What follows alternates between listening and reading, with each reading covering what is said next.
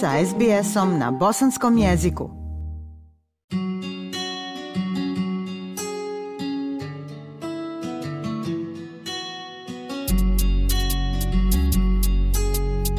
Slušate program SBS radija na bosanskom jeziku. U narednim minutama govorimo o pravima u sektoru brige o starijim osobama u Australiji. U Australiji postoji 14 prava koja štite korisnike brige za starije osobe koje finansira država bilo kod kuće ili u rezidencijalnoj ustanovi. Ali šta se dešava ako niste zadovoljni uslugom? Prilog Zoe Tomaidou.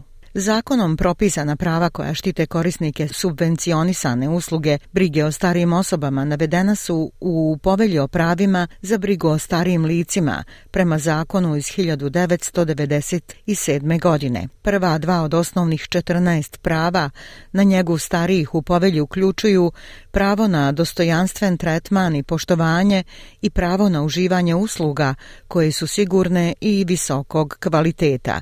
Druga zaštita je pravo na podnošenje žalbe i pravo na pošteno i brzo rješavanje vaše žalbe. Povjerenica Janet Anderson vodi Komisiju za kvalitet i sigurnost brige o starijim osobama nacionalnog regulatora službi za brigu o starima koje financira vlada. Ona kaže da komisija obilazi stambene ustanove kako bi nadgledala rad pružatelja usluga i držala ih odgovornima. And the sorts of things we might look at just briefly are, are they treating older people with dignity and respect? Stvari koje mi gledamo su da li oni postupaju prema starijim ljudima sa dostojanstvom i poštovanjem, da li uključuju te ljude u odluke o njihovoj brizi, da li su njihove usluge sigurne i kvalitetne, da li prilagođavaju svoju njegu po mjeri da zadovolje potrebe i preferencije pojedinaca, da li efikasno upravljaju rizicima po zdravlje i dobrobit korisnika, da li imaju odgovarajuće osoblje, da li je životna sredina sigurna i pogodna za brigu i na kraju da li je sama organizacija dobrovođena. Gospođa Anderson objašnjava da ako problem ostane neriješen, komisija je tijelo odgovorno za rješavanje po službenim žalbama koje podnose korisnici usluga brige za starije osobe ili u njihovo ime. Ako su zabrinuti zbog nekog aspekta svoje njege, najbolja moguća opcija je razgovarati s ljudima koji tu njegu pružaju, ali može postojati niz razloga zbog kojih bi pojedincu bilo neugodno direktno razgovarati. I u tim okolnostima mi smo apsolutno spremni da pomognemo. Dakle, ne treba oklijevati kontaktirati komisiju ako je nekome malo neprijatno da direktno pristupi. Mreža za zastupanje starih osoba OPAN pruža besplatne informacije i usluge zastupanja za starije osobe širom Australije. Izvršni direktor mreže OPAN je Craig Gear. Uh, Iako smo financirani grantom Ministarstva zdravlja i zaštite starih osoba Australije, mi smo nezavisna organizacija. Nezavisni smo od vlade, nezavisni od pružalaca usluga, a to znači da možemo pokretati pitanja s vladom kada vidimo da postoji problem u sistemu brige o starijim licima ili radimo prema uputama starije osobe da razgovaramo s njihovim pružateljem njege kako bi se taj problem riješio postoji oko 200 opan zagovornika za brigu o starijima širom zemlje.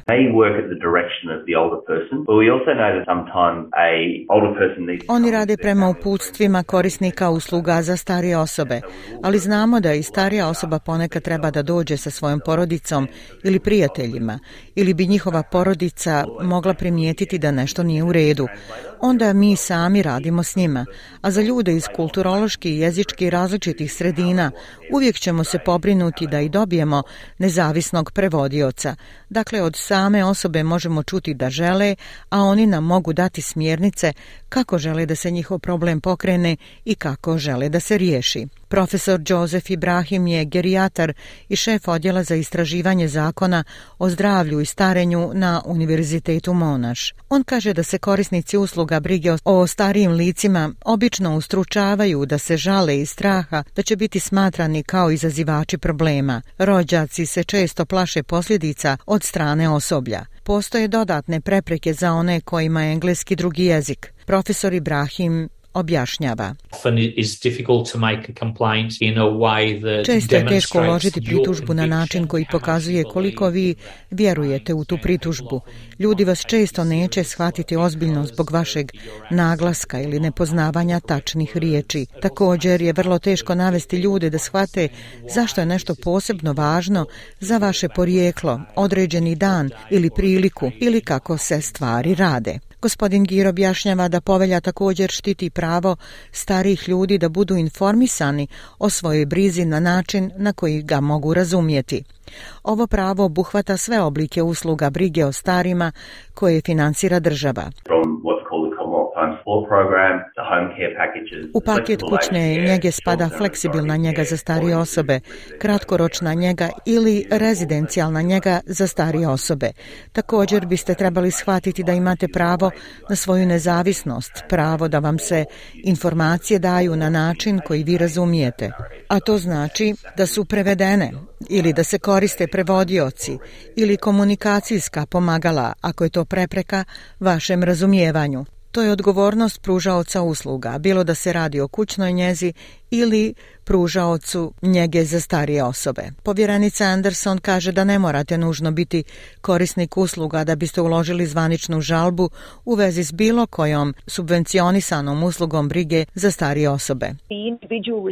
services Pojedinac koji prima usluge može se žaliti na neki aspekt uh, svoje brige, jednako tako član porodice, rođak, prijatelj, čak i eventualno stariji radnik za njegu može nam uložiti žalbu ako ima zabrinutost u vezi sa nekim aspektom brige. Po prijemu pritužbe Komisija za kvalitet i sigurnost brige o starijima stupa u kontakt i sa pružaocem njege i sa podnosiocem žalbe, osim ako se žalba ne podnese anonimno. Gospođa Anderson kaže kada neko pitanje ostane neriješeno, komisija vrši svoja regulatorna ovlaštenja ako je potrebno. Međutim, neke radnje nisu u nadležnosti komisije.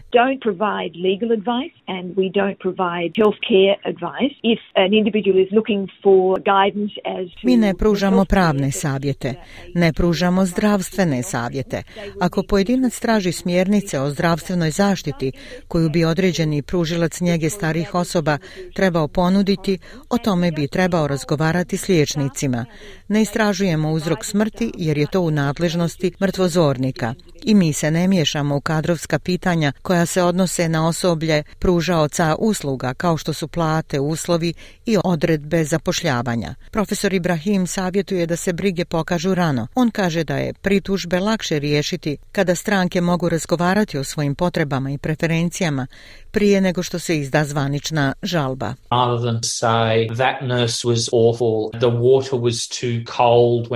Umjesto da kažem ta sestra je bila grozna, voda je bila prehladna kada sam ušao, bolje da se kaže volim se tuširati kasno ujutru, volim da bude jako toplo. Može li mi neko javiti da li oni to možda ne mogu učiniti? Zato što bih mogao izabrati da se ne tuširam, umjesto da se tuširam na način na koji ne želim. Pitajte šta mogu uraditi, pa ćete to pretvoriti u razgovor. Profesor Ibrahim kaže da ako vaše potrebe još uvijek nisu zadovoljene, ključ za podnošenje djelotvorne žalbe je da osigurate otvorenu komunikaciju i da vodite evidenciju. I think it's essential that you choose someone that you trust in your family or friends who you know is calm and always polite. Mislim da je od suštinskog značaja da izaberete nekoga kome vjerujete u svojoj porodici ili među prijateljima, za koga znate da je smiren i uvijek pristojan, zato što želite da iznesete svoje gledište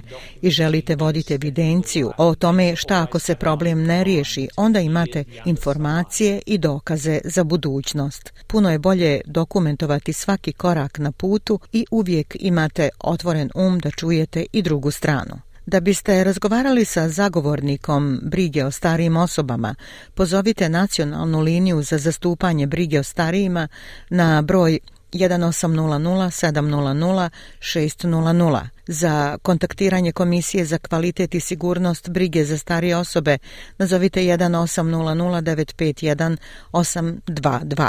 Ja sam Aisha Hadži Ahmetović. Ostanite uz program SBS radija na bosanskom jeziku. Like, share, comment. Pratite SBS Bosnian na Facebooku.